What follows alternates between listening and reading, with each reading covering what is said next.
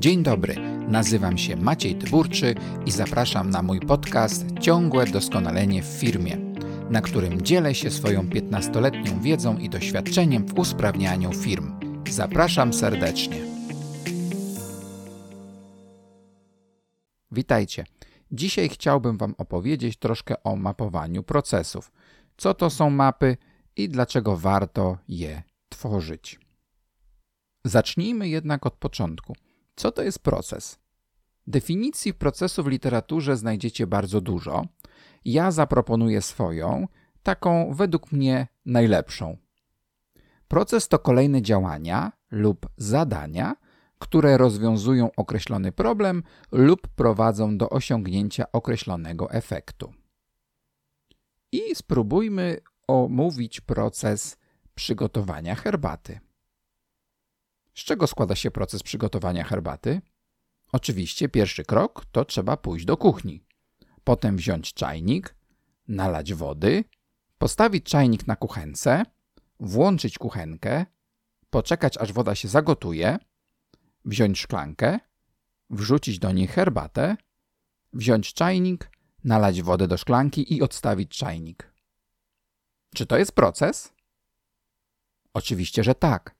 To jest proces. Procesy są wszędzie.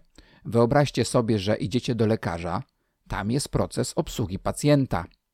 Idziecie do sklepu, tam jest proces obsługi klienta.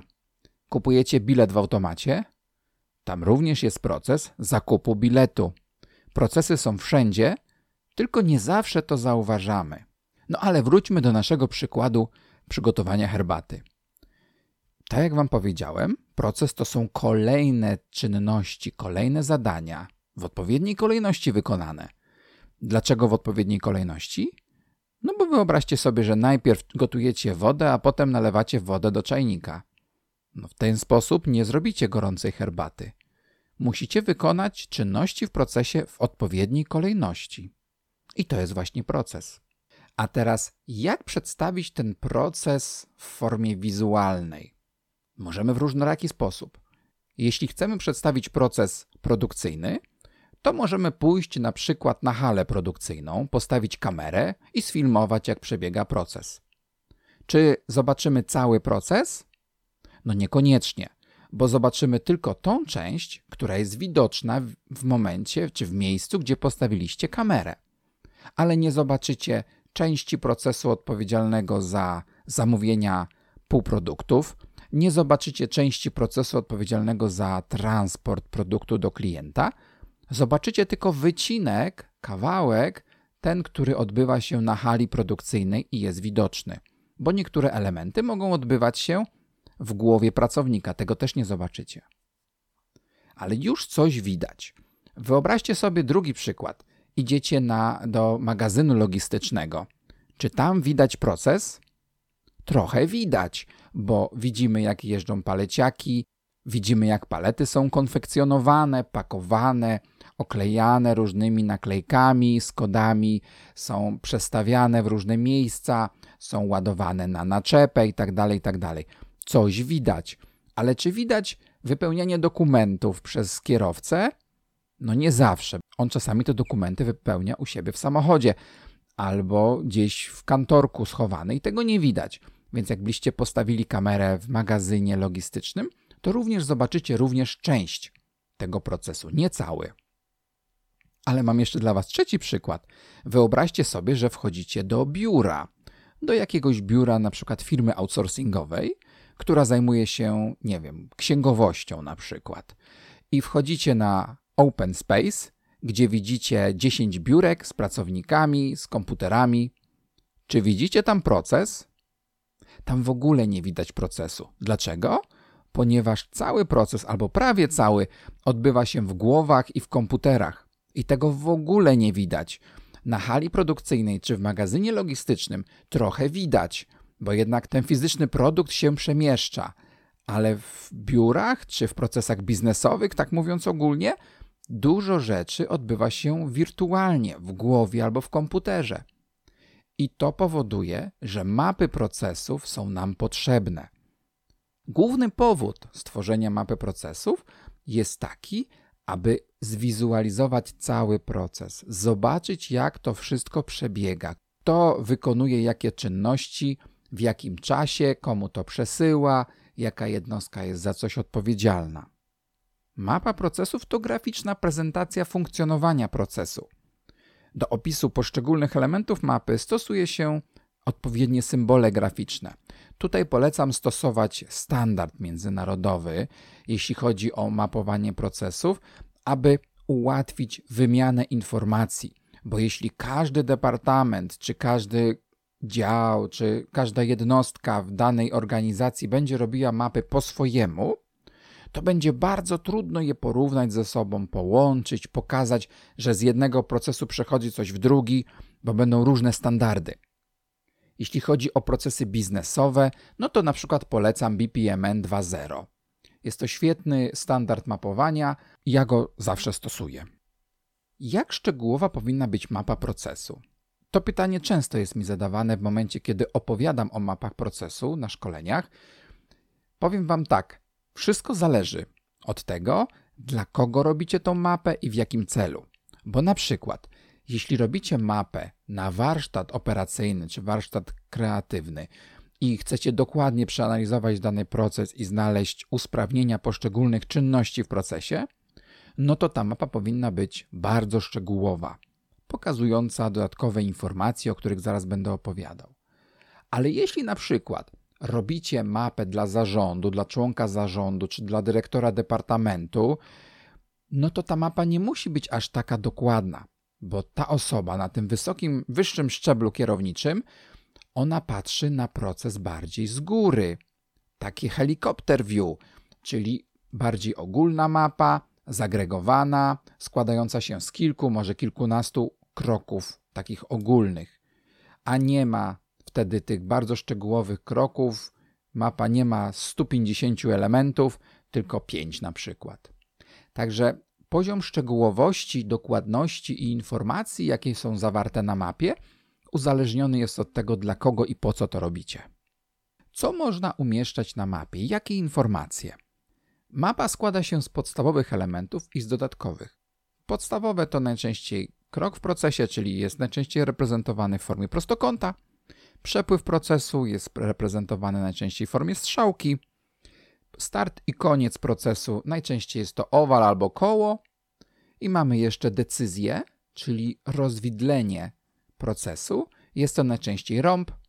No i mamy jeszcze tak zwane swimliny, czyli takie tory, które pokazują, jaka jednostka lub organizacja wykonuje dane, dane elementy w procesie, dane kroki w procesie. To są podstawowe elementy mapy procesu, ale możecie dodać do nich kolejne, szczegółowe, jeśli tego oczywiście potrzebujecie do analizy. Możecie na mapie umieścić na przykład informacje, w jakim systemie IT wykonywana jest dana czynność, informacje, jaka, w jakiej formie jest wykonywana dana czynność, czyli to jest y, czynność automatyczna, półautomatyczna czy manualna, w sensie ręczna, ile osób wykonuje daną czynność, ile trwa dana czynność, jakie zasoby zużywa i w jakiej ilości. Naprawdę tych informacji może być bardzo dużo. Opisując mapę, można również napisać, kto jest właścicielem danego procesu, kiedy była ostatnia aktualizacja mapy, jakie są KPI mapy, czyli te mierniki wydajności i efektywności. No naprawdę dużo informacji można umieścić na mapie i dzięki temu łatwiej jest wszystko zobaczyć jednym spojrzeniem. Nie trzeba czytać długiej instrukcji czy manuala. Na koniec tego odcinka chciałbym podsumować korzyści ze stosowania map procesów. W pierwszej kolejności identyfikujemy kluczowe operacje w danym procesie oraz niezbędne wejścia i wyjścia do tych operacji, czyli widzimy, co się dzieje przed, co się dzieje po i kolejność. Pamiętacie o tym przykładzie przygotowania herbaty. Kolejność jest bardzo ważna.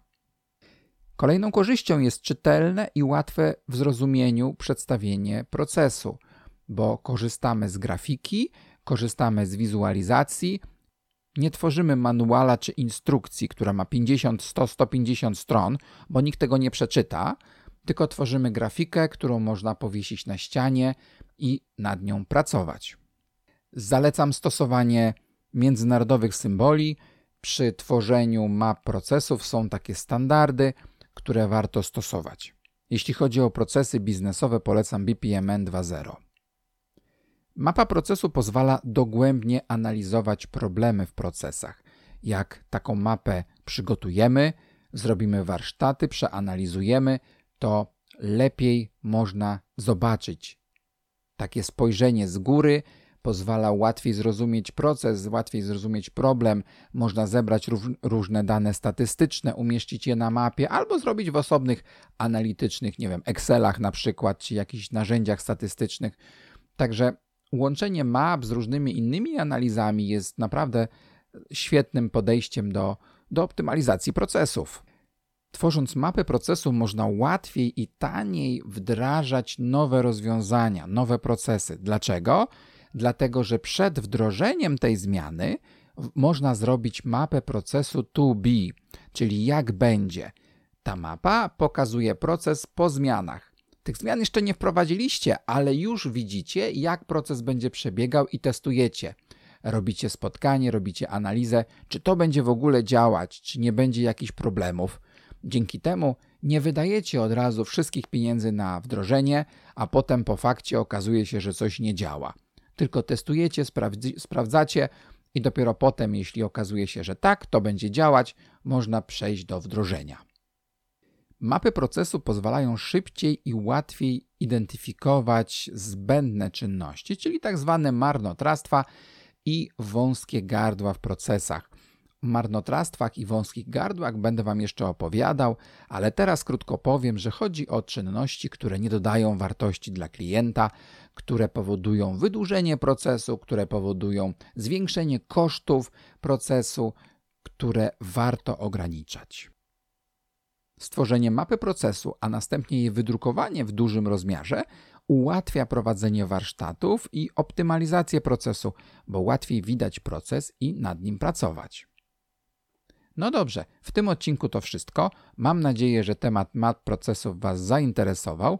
Jeśli macie jeszcze jakieś pytania, coś się pojawiło w tym kontekście, piszcie do mnie, spróbuję pomóc. I to wszystko na dzisiaj. Dziękuję za uwagę. Trzymajcie się. Cześć.